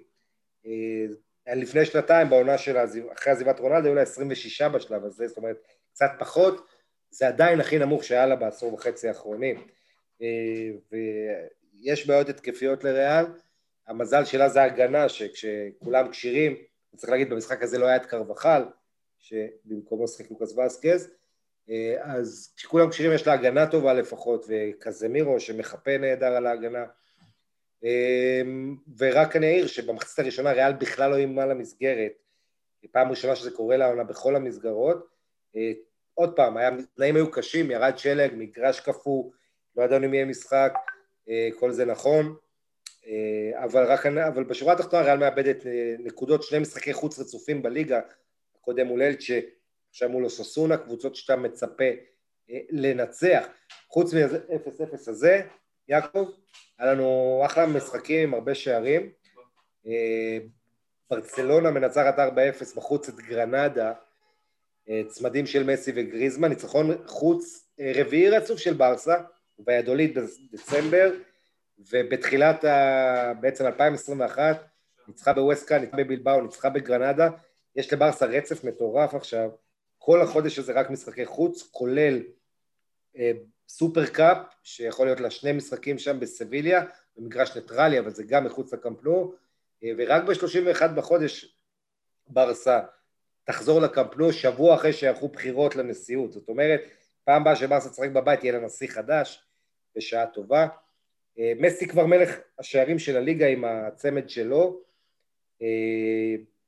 בעצם משחק שני רצוף שהוא כובש צמד מסי תוך ארבעה ימים, צמד בבלבאו, צמד בגרנדה, אז מסי נכנס לעניינים. אגב, פעם אחרונה שהוא כבש שני צמדים רצופים בליגה, מרץ 2019, כמעט שנתיים עברו, כן כן, זה אה, מרשים. אה, וברסה לראשונה העונה מחברת שלושה ניצחונות רצופים העונה, כמה מוזר שכל הניצחונות האלה הם ניצחונות חוץ, אה, וחוזרת להם על ריאל מדריד, אתם יכולים לראות בטבלה בעצמכם, רק שלוש נקודות ביניהן, כל מה שמבדיל ביניהן זה ניצחון אחד, אז אתלטיקו יש לה עוד ארבע נקודות על ברסה, שיכולות להפוך ל... ל-13 אם היא תנצח את המשחקים החסרים, אבל לגבי ריאל, ברסה בהחלט בתמונה. וצריך להגיד, מסי כובש שני שערים יפים, כן? אחד סובב לראה עם שמאל כמו שאנחנו קוראים שער טיפוסי, נכנס לרחבה, ובכדור חופשי השער השני, אה, אחרי שמסי לא כבש 69 ניסיונות רצופים בבעיטה חופשית, מאז השער האחרון שלו בכדור חופשי מול אוססונה בסוף העונה שעברה. אה, ברסה לא סופגת למרות חיסורים משמעותיים מאוד בהגנה, הראוכו נפצע בחימום, אומטיטי רק חזר ומיד נפצע שוב, איכשהו דה יונג נשלח לעשות, לעמדת הבלם, כמו שהוא כבר סאונה, פירפו שחק באגף השני שהוא רגיל אליו, אבל ברסה לא סופגת, היא מסתדרת. ובמילה טובה לגריזמן שחטף שוב ביקורות ומשחק הזה הוא שם צמד, כולל השער הראשון שספק היה נבדל שם, היה פה ויכוח מאוד גדול, אה, בוסקץ מסר קדימה, אבל זה לא היה לעבר גריזמן, כדור פגע בסולדדו, הלך, הוסט לעברו של גריזמן, אה, שכבש את השער הראשון החשוב מול גרנדה, אה, ואת האחרון גם, שהוא קיבל מבן ארצו דמבלה, בישול נחמד באגף ימין. ו... ובוסקץ, אגב, סליחה בוסקץ הופעה 600 בברסה אחרי צ'אבי, מסי ואיניאסטה, הוא הרביעי להגיע ל-600 הופעות במועדון. אה, מה, יעקב, החיה התעוררה סוף סוף? אתה יש... אתה מאמין שיכול להיות משהו טוב עוד העונה לברסה? אה, אני לא רואה אותם לוקחים את הליגה, כי אני באמת חושב שאתלטיקו פייבוריטים עם הניצחונות הסולידיים שסימיון אוהב לייצר, וגם בליגת האלופות יש איזה 4-5 קבוצות אה, יותר חזקות מהם. אבל uh, הדבר הטוב שברצלונה עושים העונה זה שהם התחילו איזשהו תהליך של חילופי דורות, גם הרכשים שלהם, אם זה דסט שהוא יותר צעיר, דיון שהגיע העונה שעברה, פדרי שמקבל דקות, ובעצם הם מכינים את הקרקע לדעתי ליום העצוב והנורא ש... והקשה שמסי או יעזוב או חס וחלילה, חס וחלילה יפרוש. Uh, ככה שזה האופטימיות שאני הייתי אוהד ברצלונה, הייתי שואב מהעונה, יש פה איזה עניין של חילופי דורות, כן הצעירים מקבלים יותר דקות, ופחות אפילו התלות במסי, שזה גם דבר שהקבוצה תצטרך להתמודד איתו, כי כמו שאתה אמרת, אחרי שרונלדו עזב את ריאל נוצר אה, בור ענק, והנה ריאל עם כל המיליונים שהשקיעו עדיין שנתיים אחרי ועדיין לא מילאו את הבור, ככה שברצלונה צריכה כבר להתחיל לחשוב על היום שאחרי. כן, אה, הבעיה היא עם כל מה שאתה אומר, שאני מסכים ומחזק, אבל עדיין, אה, כשיש לך בחירות, הולכת להשתנות מדיניות, יגיע נשיא חדש, אה, ולכן המאמן קומן, כל מה שעובד, גם ההנהלה הזאת, ובונה, עוד מעט אתה תראה אולי שינוי כיוון בהרבה מובנים. אתה יודע, אז נראה מה יהיה עם זה, כי לא, אתה יודע, פיאניץ' זה שחקן שעוד לא, לא הצליח להשתלב במועדון והוא מאוד מתוסכל מזה שהוא לא מקבל מספיק דקות. יש שם לא מעט סימני שאלה בקבוצה הזאת, ומעל כולם השאלת המאמן קומן, אה, שהיה כבר מושמץ והיה בחוץ, ופתאום הקבוצה מתחברת, שזה שם את הנשיא החדש באיזו עמדה כזאת קצת מוזרה. אה, אני מניח שקרומן יסיים את העונה ואז יביאו איזה מאמן חדש, אה, אבל נראה, נראה. סביליה, עם משחק נהדר, מנצחת 3-2 את ריאל סוסיידד, יצא לך לראות את המשחק הזה? לא יצא לי לראות אותו. אה, אז אני אעדכן אותך, כן, זה גם, הוא היה משחק מוקדם, אני ראיתי רק חלק כי צריך לשדר את באטלנטה. אה, סביליה שלוש, סוסיידד שתיים, אה, משחק שנפתח בסערה, היה אחת אחת אחרי חמש דקות, 2-2 כבר בדקה 20, וסביליה הובילה 1-0, הובילה 2-1, בסוף היא מנצחת 3-2, שלושה אדיר של יוסוף הנסירי, המרוקאי, שלושה הראשון שלו בלליגה, למרות שהיה לו שלושה אחד, אה, אבל זה לא נחשב שלושה, כי אחד היה עצמי, הוא כבש רק שני שערים בכיוון הנכון ואחד עצמי, אה, כשלגנס הקבוצה הקודמת שלו אירחה את בטיס אה, לפני שנתיים, אבל תשמע, רק אני אעדכן ש... ש... טוב, תכף אני אגיע ללופטגי, רק אני אעדכן, זה בסך הכל השלושה השני, השלושה הזה של נסירי בליגה הספרדית, מאז שחזרנו מהקורונה. אה, השלושה הקודם, זאת אומרת סיום העונה שעברה ותחילת העונה הזו. שלושה היחיד הנוסף היה שלושה פנדלים שכבש קרלוס סולר נגד ריאל מדריד לזכות ולנסיה, אה, אבל אה, עד כדי כך שלושה ערים נהיו נדירים בלליגה, הפכה לליגה יותר הגנתית וסגורה. אגב, היו מרוקאים שכבשו שלושה ערים בעשור האחרון, אם זה יוסוף אל-ערבי שעשה שני שלושה עם מדי גרנדה, אם זה מוניר אל-חמדאווי שכבש למלגה שלושה נגד ראיו ב-2013-2014, אבל הם נולדו באירופה, אתה יודע, זה מרוקאים ש... אה, כי משחקים בנבחרת, הם נולדו בצרפת ובהולנד, אם אתה מחפש יליד ברוקו האחרון שכבש שלושה בספרד, אתה צריך לחזור 70 שנה אחורה, ל-1951. נסירי אגב, 13 מ-29 שערי ליגה, כמעט חצי נכבשו נגד קבוצות בסקיות, אה, הוא הכי אוהב לשחק נגד סוסיידד ואייבר, חמישה שערים נגד כל אחת מהן, אז זה היה ככה על יוסוף ונסירי. לופטגי, המאמן של סביליה, שזכה בליגה האירופית ומצליח איתה, למרות שאני לא חסיד גדול של הכדורגל שלו, האריך חוזה עד 2024, אה, וזה קורה בדיוק במשחקי שהוא הגיע ל-100 נקודות כמאמן סביליה בעונה וכמעט חצי מאז שהוא התחיל לאמן אותה, קיץ שעבר, אז כבוד ללופטגי. אה, מה עוד היה לנו במחזור הזה? ויה ריאל מפרקת את... תראה מה זה מומנטום בכדורגל, סלטה ויגו הייתה ברצף אדיר, הגיעה לשחק נגד ריאל מדריד, הפסידה 2-0, בעצם זה התחיל עוד עם הדחה בגביע לפני זה, מפתיע, עם קבוצה קטנה, ומאז הקבוצה עוד פעם מתרסק, מתרסקת, מומנטום שלילי, מובסת 4-0 בבית על ידי ויה ריאל, כאשר אה, התוצאה הזו 4-0 היא כבר הייתה בדקה 31 עם אה, פר ניניו, כישרון אדיר אה, שראינו אותו מול מכבי, עם השער הרביעי, גם מוי גומס, דני פרחו וג'רארד מורנו, סגן מלך השערים של מסי עם עשרה כובשים, וויה ריאל של אונאי אמרי, חזק במרוץ לליגת האלופות, עם מקום רביעי כרגע, שתי נקודות מברסה, אבל, וזו קבוצה שעם רק שני הפסדים העונה למעשה, גם ריאל וגם ברסה הפסידו יותר מוויה ריאל, רק אתלטיקו הפסידה משחק פחות, יחד עם זאת, סביליה אה, בעצם מעליה בטבלה אם אתה עושה את החישוב של המשחקים החסרים, כי יש לה שני משחקים פחות ושתי נקודות פחות לסביליה. אז אה, שוב, הטבלה בספרד מאוד מתעתעת, יש קבוצות 15, 16, 17, 18 וגם 19 משחקים. אה, מוזר.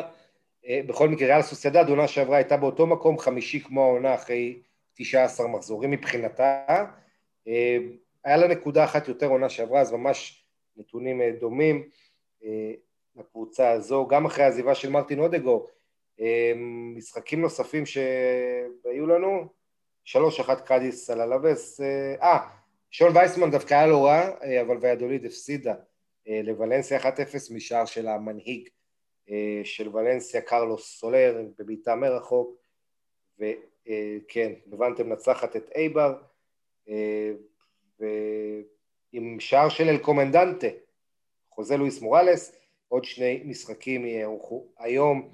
אה, נעבור לליגה הגרמנית, שהיה לנו מחזור אש עם שני משחקי ענק. בעצם אה, בבונדסליגה במחזור הזה נפגשו קבוצות שהגיעו לטופ 4 בעונה שעברה. רביעית בעונה שעברה ולייפציג מול דורטמונד השני בדרך כלל משחקים גדולים לא מאכזבים, יעקב. אמ, אנחנו, אתה אוהב, אתה אוהב את הבונדסליגה, נכון? אני מאוד אוהב את הבונדסליגה, גרתי שנה בגרמניה, הייתי כמעט בכל היציעים, בכל האצטדיונים, ככה ש... אחרי הליגה האיטלקית זה לגמרי הליגה החביבה עליי. זה מעניין מה שאתה אומר, כי זה ליגות מאוד שונות במסורת שלהם, הליגה הגרמנית עם ה...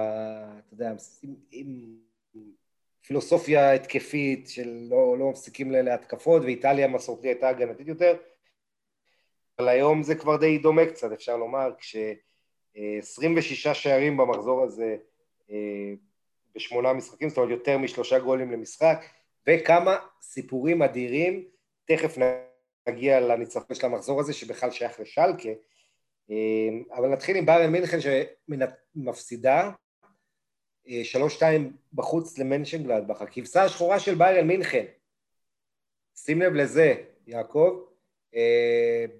גלדבך ניצחה ארבעה משבעה מפגשים אחרונים מול ביירן, שישה משניהם עשר אחרונים, והיסטורית אה, אין, אין אה, קבוצה שבחוץ ביירן מתקשה מולה יותר.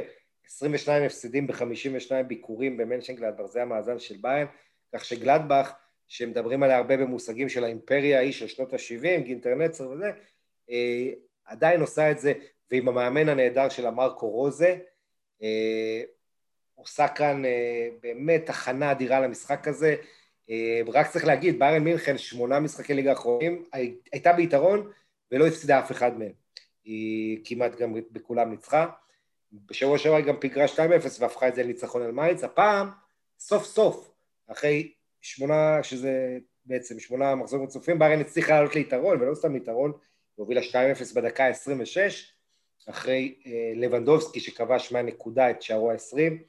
העונה בליגה, וגורצקה אה, הוסיף שער יפה, שהוא גם מוביל את ההתקפה וגם סיים. אז היא מובילה 2-0 ברן, ומצליחה לשמוט את זה. אה, הופמן משווה עם שני שערים, אחד ממש על סף ההפסקה אה, ל-2-2, בישולים אדירים של הקפטן, איש המשחק לארס שטינדל, ושער הניצחון, שער יפהפה בביתה מחוץ לרחבה מסובבת לשער של נוייר, של פלוריה נויהאוס. אותו נויאוס שקבע שער ניצחון היה זה שנגע ביד בפנדל אה, שהוביל לשער הראשון של ביירן במשחק, ככה שנויאוס התחיל רע וסיים נפלא את המשחק הזה. אה, אתה יודע, באופן טיימינג מצחיק היה להתאחדות הגרמנית להכריז על מנואל נויר כשחקן השנה של נבחרת גרמניה ב-2020, יום אחרי שהוא מקבל את השלישייה הזו, אה, ומאוד עצבני עלה לו נויר, ו... אגב, ביירן מינכן לא קרה לה שהיא הובילה 2-0 והפסידה 3-2 מאז 2011, כן, עשור עברנו, זה ההפסד השני של העונה, אחרי ההפסד מול אופנהיים בפתיחת העונה. עדיין לאנזי פליק יש, ששניים ההפסדים שלו הם מול גלדבך, עדיין לאנזי פליק יש אה, יותר תארים כמאמן ביירן מינכן, חמישה מהפסדים, יש לו רק ארבעה בכל המסגרות הפסדים, ארבעה הפסדים, זה בסך הכל ההפסד הרביעי, אה, ותראה מה זה, למרות זאת יש הרבה סימנים לבעיות בהגנה של ביירן, עשרה משחקים רצופים שמנואל נויר לא שומר על רשת נקייה, אה, אתה יודע, פעם הבאה שהוא יעשה את זה הוא ישווה את השיא של הבונדסליגה ששייך לאוליבר קאן, 196 משחקים בלי ספיגה, ונויר, מאז שהוא משחק, משחק מהשיא, הקבוצה סופגת כל משחק. שים לב לזה, ביירן מינכן ספגה העונה 24 שערים ב-15 מחזורים. עונה שעברה, בכל העונה היו לה 32 שערים שהיא ספגה. היו עונות שהיא ספגה בכל העונה את הכמות הזאת. היא עדיין מקום ראשון, היא עדיין הקבוצה הזאת שאף אחד לא מעז לערער על זה שהיא הכי טובה היום באירופה, אבל יש הרבה תהיות, מה קורה להגנה של ביירן?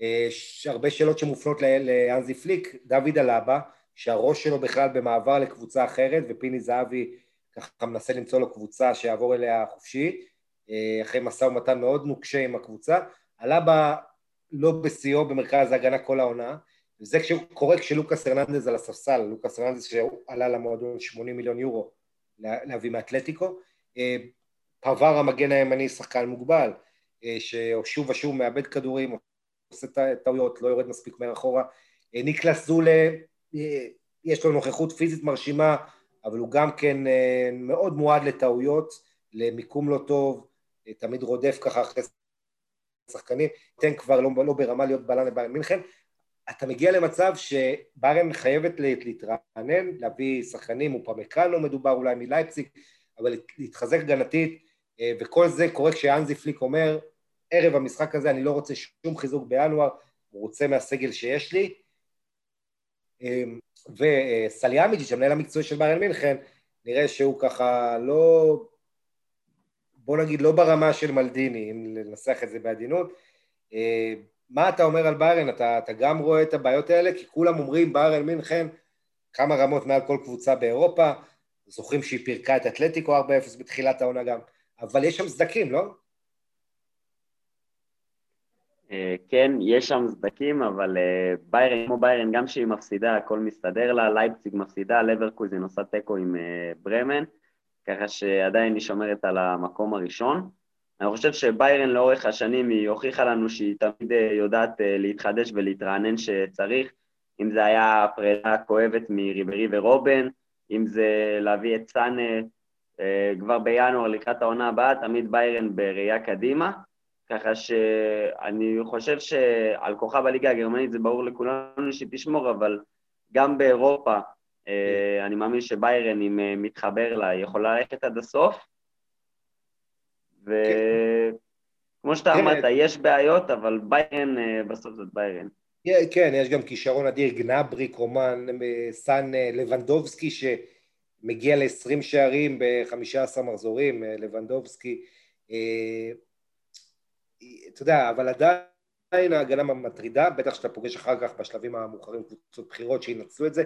לירוי סאנה גם עדיין הגיע בקיץ אה, למועדון, ועשה משחק פתיחה מרשים מול האקסית שלקה, אבל לירוי סאנה עדיין לא חד, הוא לא עקבי, יש לו, הוא כבש משחק קודם מול מיינץ, אבל הוא הורס הרבה התקפות, הוא לפעמים אוהב מדי את הכדור, במקום לחפש את המהלך הפשוט. אה, הוא עדיין עדיין לא הסאנה החד ש, שמצפים אה, לראות.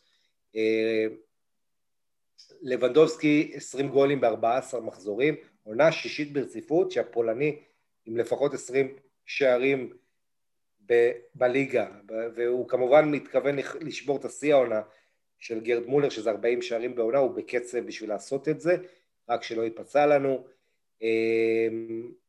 אנזי פליק החמיא מאוד ליריבה, גלדבך הייתה מאוד מאוד אה, יעילה, הם הענישו אותנו על כל טעות שעשינו, אה, ואמר הדברים הקטנים הכריעו את המשחק, טעויות אישיות, עיבודי כדור, אה, כל זה, ואנחנו צריכים להאשים רק את עצמנו. ליאון גורצקה היה מאוד ביקורתי אחרי המשחק על הטעויות האישיות של שחקני ביירן, חוסר הריכוז שלהם, ואתה יודע, גם תומאס מולר נשמע ככה, אבל עוד פעם, ניתן הרבה קרדיט רוזה שידע, הוא אמר, כולם יודעים איך ביירן משחקת ויש שטחים מאחורה ואיך צריך לנצל את זה, ורוזה לא סתם הוא, הוא המועמד הבכיר להיות המאמן הבא של דורטמונד, אה, זה פשוט עבודה מדהימה מה שהוא עושה עם הקבוצה הזו, אה, חוץ מיופנק איינקס אף אחד לא, אתה יודע, הצליח עם, עם אה, גלדבך בצורה כזאת, אולי בשנים האחרונות בצורה עקבית, וזה פשוט מאוד מאוד מרשים. עם כל הביקורות על ביירן והבעיות שלה, העבודה של רוזה וגלדבך ראויה להערכה, בואו לא נשכח גם את ה... העבודה בליגת האלופות, כן, והקבוצה שלו עלתה לנוקאוט מבית המוות של ליגת האלופות עם שכתר ואינטר.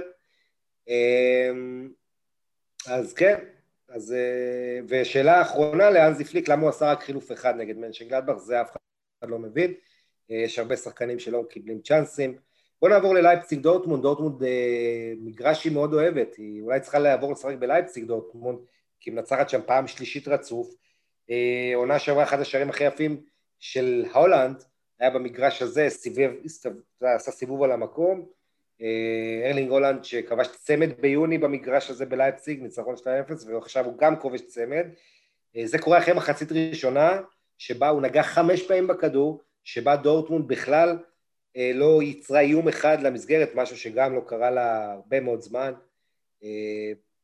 אז בצד העצוב, הכואב לדורטמונד, אקסל ויצל, הקשר אה, החשוב, הבלגי, קרע את גיד אכילס, הוא יחמיץ לא רק את המשך העונה, גם את היורו עם נבחרת בלגיה.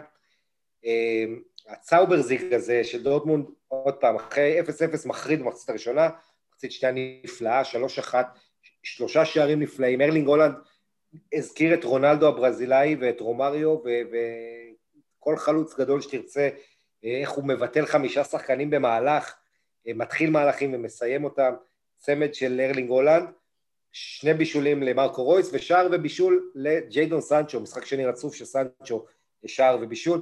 בעצם, וזה קורה אחרי 13 מחזורים ראשונים של העונה, שסנצ'ו בכלל לא כבש, ואולי היה לו בישול אחד, זאת אומרת, הכותרת היא השלישיית הקסם הנהדרת הזאת, רויס בן 31, סנצ'ו והולנד בני ה-20, הם אה, חוזרים לעצמם ונראים נהדר, אה, וטרזיץ' המאמן של דורטמונד, שכל הזמן צריך לחיות עם הרעש הזה של מי מאמנים, מביאים כמאמן קבוע, אם זה רוזה מדורטמונד או מישהו אחר, אה, בשקט בשקט ניצחון שלישי בארבעה משחקי, משחקים לטרזיץ', וכן, אגב, פעם אחרונה שדורטמונד לא אימה במחצית הראשונה, כמו במשחק הזה, הייתה שהיא קיבלה 4-0 מביירן מינכן בנובמבר 2019, לפני קצת יותר משנה. שני המאמנים מאוד צעירים, נגלסמן בן 33, טרזיץ בן 38. נגלסמן בכה על עיבודי הכדור של הקבוצה שלו, ודורטמונד לראשונה מאז מאי שומרת על אותו הרכב שני מחזורים רצופים. אותו הרכב שניצח את וולסבורג מחזור קודם, אז זה אולי סימן אה, למשהו חיובי, משהו שונה לעומת העידן של לוסיאן פאבר. אה, מאץ הומלס גם אמר, סוף סוף שיחקנו כדורגל בוגר, מאוד חשוב לקבוצה הצעירה הזו. אה, ועוד פעם, ניצחון שלישי רצוף שלהם בלייפציג, בחוץ. לא רק זה, הדקה ה-90, הבן ארצו של ארלינג הולנד, אה, אלכסנדר סורלוט, מצמק ללייפציג, זה קורה אחרי 330 דקות, שהקבוצה לא כבשה גול בבית נגד אה, דורטמונד, ודווקא בחוץ הולך להציג יותר טוב נגד דורטמונד יחסית, שם היא הוציאה כמה תוצאות תיקו וכאלה יותר טובות. אה, מה עוד אה, אני אגיד לך? אה, כן, לייפציג עד השערים האלה שהיא ספגה מדורטמונד, היה לה רצף מטורף מדצמבר שהיא לא סופגת 429 דקות, אז תראה מה זה, שער אחד היא סופגת והסכר נפרץ. קבוצה שהיא לא הפסידה בבית עד המשחק הזה העונה, רק ביירן עשתה את התיקו אצלה, אז בהחלט הדורטמונד חוזרת לחיים, חוזרת ל... לא רק שהיא ב top four, היא הייתה לפני המחזור הזה, אבל עכשיו כשהיא היחידה מכל השש הראשונות שמנצחת, דורטמונד שמה את עצמה רק חמש נקודות מביירן ושלוש נקודות אה, מלייפציג, חוזרת שם לתמונה, למאבק, יכולה להאמין בעצמה, uh, דורטמונד הראתה אגרסיביות במשחק הזה, שלא ראינו בה בהרבה משחקים, וזה ניצחון שיעשה הרבה טוב לביטחון ולאמונה אה, לקראת ההמשך. רק שלא ירימו את האף יותר, אה, כמובן. אה, מה עוד?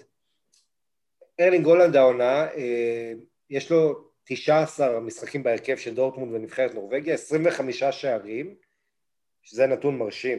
הוא השחקן הראשון בהיסטוריה של הבונדסליגה שכובש 25 שערים ב-25 משחקים ראשונים שלו בליגה. כן, זה משהו על הילד הזה הנורבגי, כמה הוא מוכשר, ובעיקר ראינו כמה, כמה דורטמונד לא הייתה בעניינים ולא הייתה טובה כשארלינג הולנד לא שיחק. מילה שלך על, אה, על דורטמונד? אה, אני חושב שמהמשחק הזה מה שאני לוקח זה כמה כיף ואיזה חבל שלא זכינו לראות יותר מדי את מרקו רויס כשיר במאה אורך הקריירה. זה שחקן שהוא כשיר, הוא פשוט חוויה לעיניים ואי אפשר שלא לאהוב אותו, ובאמת כאילו הוא כבר מבוגר, הוא בן 32 אם אני לא טועה, והוא... 31, פשוט אכזבה שהוא לא, לא היה כשיר לאורך כל הקריירה, זה שחקן באמת חגיגה לעיניים. כן, וזה נכון, הבישול בעקב שם שהוא השאיר לסנצ'ו. אה, מרקו רויס, כן, זה השחקן הכי חסר מזל, תמיד נפצע לפני טורנירים גדולים, כל כך הרבה פציעות בקריירה, ותמיד השאלה מה יכול להיות אילו. בכל מקרה עוד משחקים בגרמניה, שלקה, שלקה, שלקה, שלקה הופכת משלקה 0-4 לשלקה 4-0. 4-0 על אופנהיים, בלי מונס דאבור אופנהיים. אה, שים לב לזה, אה, שנה שלמה חיכו לניצחון, 30 משחקי ליגה רצופה. במשחק הזה, אם שלקה לא מנצחת, היא משווה את השיא של תזמניה ברלין, אה, קבוצה משנות ה-60, שסתם, אתה יודע, בגלל פוליטיקה שמו אותה בליגה הבכירה, מקרה אחר לגמרי. היא עשתה 31 מחזורים רצופים בלי לנצח. עם שלקה היה הזדמנות פה להשוות את השיא, אבל שלקה, רק תגיד לה לעשות איזה שיא מסוים והיא לא תצליח, אפילו אם זה שלילי.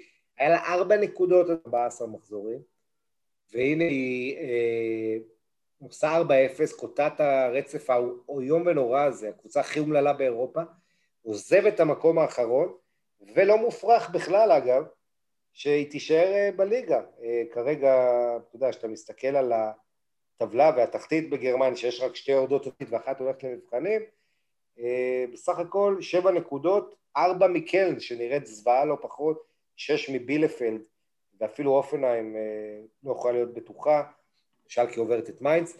אה, הכוכב של המחזור והמשחק הזה, עם כל הכבוד לארלינג אהלנד, זה אמין חריט, כישרון ענק שפתח את הדרך בשלקי הנהדר, וכמו כל הקבוצה גם העונה הזו הוא התרסק.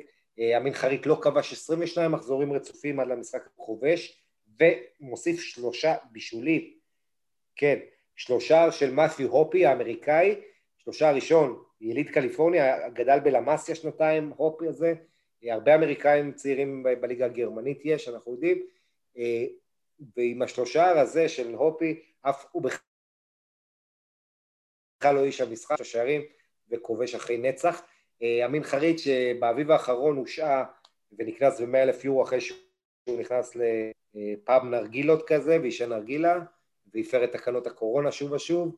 לפני חודש וחצי עוד פעם אישרו אותו אה, עד להודעה חדשה עם עוד כמה שחקנים אה, בגלל התנהגות אה, לא בסדר, זימנו אותו לשיחת נזיפה במועדון, הוא חזר לעניינים והנה עושה פה משחק ענק, אז כן, ומחמאות להופי שמנצח את הקבוצה של הופ,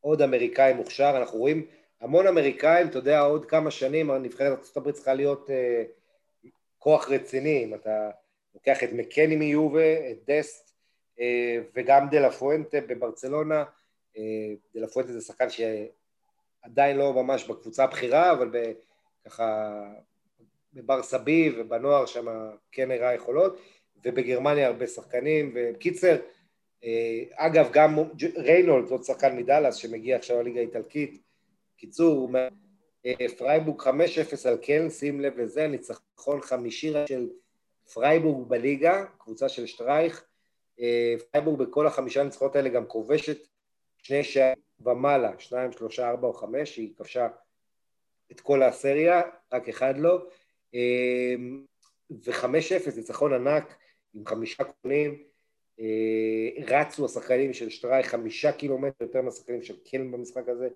ופרייבורג פתאום מתעוררת, אז מעניין מאוד, לרקוזן ברמן אחת אחת, ווולסבורג אוניון ברלין 2-2 במשחק לא רע בכלל, אלה התוצאות הנוספות. אוגסבורג מובסת 4-1 על ידי שטוטגרט, פעם קודמת שהם נפגשו זה היה 6-0 לאוגסבורג, הנקמה פה הגיעה יפה, וכן, עונה יפה שלה, עונת החזרה, היא משחקת כדורגל נהדר, עשרה איומים למסגרת, 26 בעיטות לשער, לא פחות, מול קבוצה לא רעה. יש לך עוד איזה הערה על הליגה הגרמנית? יש לי עוד איזה שתי דברים שאני רוצה להוסיף למה שאמרת. אז דבר ראשון, לגבי הנבחרת האמריקאית, שבאמת אני מאמין במונית תהיה הסוס השחור, יש גם את אדמס ששכחנו לציין מלייפציג, את ריינה, יש עכשיו המגן של גלקס. אה, באמת אה, נבחרת משופעת בכוכבים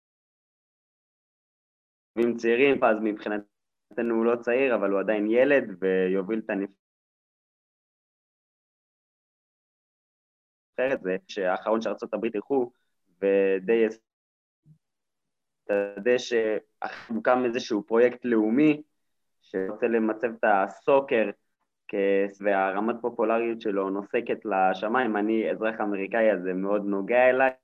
אה, בפארקים זה הספורט כבר הכי פופולרי אפילו יותר מפוטבול ואני מאמין שעד 26 זה יהיה הספורט השני הכי פופולרי בארצות הברית אחרי הפוטבול האמריקאי, ככה שאנחנו צפויים אה, לראות כוח אה, חזק מאוד נכנס למאבקים הבינלאומיים ואני שמח על כך. תראה, כן, אנחנו גם נראה, כן, עוד ועוד מהגרים ממרכז דרום אמריקה שבאים לאמריקה ואלה אוהבים יותר כדורגל בדרך כלל. אני רק רוצה לתקן את עצמי במחזור הזה בגרמניה, אה, הובקעו 32 שערים בתשעה משחקים, זאת אומרת אה, כמעט ארבעה למשחק. אה, מה עוד היה לנו? פרנקפורט מנצחת את מיינס 2-0 בחוץ, ו, ויש לך top 4 די ברור עכשיו של ביירן, לייפציג, לברקוזן ודורטמונד. דורטמונד שלוש נקודות יתרון על אוניון ווולפסבורג, וארבע על גלדבך, שהוא רוצה עוד לחזור לתמונה. כמה מילים, בואו נעבור לליגה צרפתית, כמה מילים. יש לנו אלופת סתיו, ותתפלא, זו לא פריס סן ג'רמן, זו ליון עם השחקן הכי טוב בליגה לטעמי העונה, שקוראים לו ממפיס, וזה קורה, זה מדהים, כי ממפיס דה פאי, מתחילת העונה שומעים על זה שהוא בינואר שחקן שעומד למכירה בחמישה מיליון יורו, ובקיץ הקרוב יהיה שחקן חופשי, אם הוא יישאר. הדיבורים היו שהם יכרו אותו, אבל מאוד יכול להיות, וגם ממפיס אמר את זה בעצמו, שהוא יישאר אה, עד סוף העונה, למרות התעניינות של מילאן, של יובה, אה, של אה, ברצלונה כמובן עם קומן, ו... ועדיין ממפיס בגיל 26 נראה בשיאו, יש לו העונה 11 שערים, חמישה בישולים, הוא אומן כדורגל, אתה יודע, גם מאיים, גם מכין מצבים, עושה הכל בהתקפה, שחקן אדיר. תכף נגיע לליון, המוליכה, עם 40 נקודות, אה, פריז וליל אחריה עם 39, אה, אז צפוף, צפוף, צפוף, אבל נתחיל עם פריז של פוצ'טינו, אה, שבבכורה האמיתית בעצם היה לו אחת אחת באמצע שבוע מול סנטטיאן בחוץ, עם המון חסרים. עדיין בלי נאמר, פריז מנצחת 3-0 את ברסט. פוצ'טינו אמר המינוי שלו זה כמו מתנת חג מולד. יש לפריז אמצע שבוע עם רביעי משחק מול מרסיי גביע בסופרקאפ, ומשחק אה, ככה יוקרתי מה שנקרא, לפוצ'טינו, הזדמנות לאיזה תואר, ונאמר יכול להיות שיחזור למשחק הזה, נאמר נפצע מול ליון בדצמבר, אם מי שזוכר. אה, בשלוש אפס הזה על ברסט, אה, קילן אמבפה קצת חיפה על של נאמר, אבל אני לא אומר את זה בצד הטוב, אני אומר את זה בצד השלילי, כי הוא עשה כל מיני שטויות, עקבים לא קשורים, היה לו, היה לו איזה רבון הדקה העשירית, החמצות, עשה כל מיני שטויות אה, שאתה לא רוצה לראות מהילד המוכשר הזה, לזכותו ייאמר שהוא נתן בישול אדיר אה, לשער השני של איקרדי, איקרדי שחוזר לעניינים, עלה מהספסל, תוך דקה היה לו שער, ואז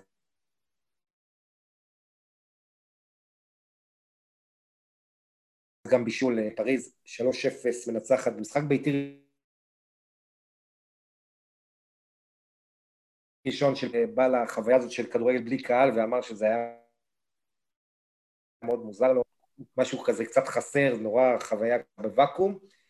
אמ, משחק אה, המחזור היה בין הראשונה לרביעית, עכשיו כבר חמישית אה, רן, אה, ליון מול רן, זה נגמר ב-2-2 שאפשר לפריז לצמק חזרה את הפער מליון לנקודה בלבד, גם, ל, גם ליל עושה את זה.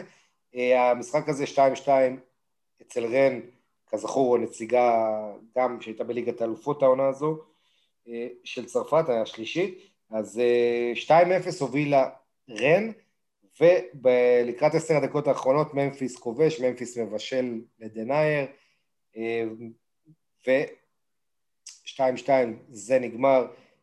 ליון מאוד מאוד בטוחים מעצמם, יש להם קבוצה חזקה, יש להם סגל אדיר, ואתה יודע, לוקאס פקטה שהגיע ממילאן, הוא אחד התגליות הגדולות, מדברים עליו כאחד הקשרים הטובים בליגה. אה, רכש אדיר, הוא נתן חודשיים אדירים לאחרונה, אז אה, מה, מה אתה... במילאן לא כל כך התלהבתם ממנו. אה, במילאן בא על תקן פרוספקט איזשהו פוטנציאל שציפינו והוא לא התחבר. האמת היא שראו עליו שהוא שחקן טוב, פשוט יש לפעמים שחקנים שהקבוצה הזאת ספציפית לא מתאימה להם והמעבר שלו לליון, אני מניח שהיא שייטת את כל... היא קיבלה את ה-20 מיליון יורו שלה ששימשו אותה בחוכמה אחר כך. כן, ורק נגיד שפקטה, אה, אתה יודע, הוא הגיע למילאן, במילאן חשבו בה קקה חדש. אה, אז הוא שחקן מאוד מוכשר שיצא מפלמנגו וכל זה, אבל כל שחקן שתגיד עליו שהוא קקע בה, זה שם עליו עוד אה, לחץ. אה, תשמע, מילים טובות לניקו קובץ'. מונקו שלו עולה למקום הרביעי, אומנם היא שש נקודות מליל ופסג'ה השנייה השלישית, שבצרפת רק שלושה כרטיסים מליגת הלוות, אבל עדיין אה, מונקו בעונה של בהחלט התקדמות מרשימה, מנצרת 3-0 את אנג'ה. קווין פולנד נכנס חזק מאוד לעניינים לאחרונה, הוא עם אה, שני בישולים ושער במשחק הזה, איש המחזור אולי, בצרפת. אז ניתן מחמאות לקבוצה מהנסיכות. מי עוד? כן, גם גיז'רמו מריפן, מילה טובה, הוא כובש למונקו והוא גם בלם שעזר להם. תוצאות בולטות בצרפת נוספות, אין, אין, בורדו מנצחת את לוריאן 2-1, בכל מקרה, כמה מילים על הגביע האנגלי לפני שאנחנו נפרדים, יעקב,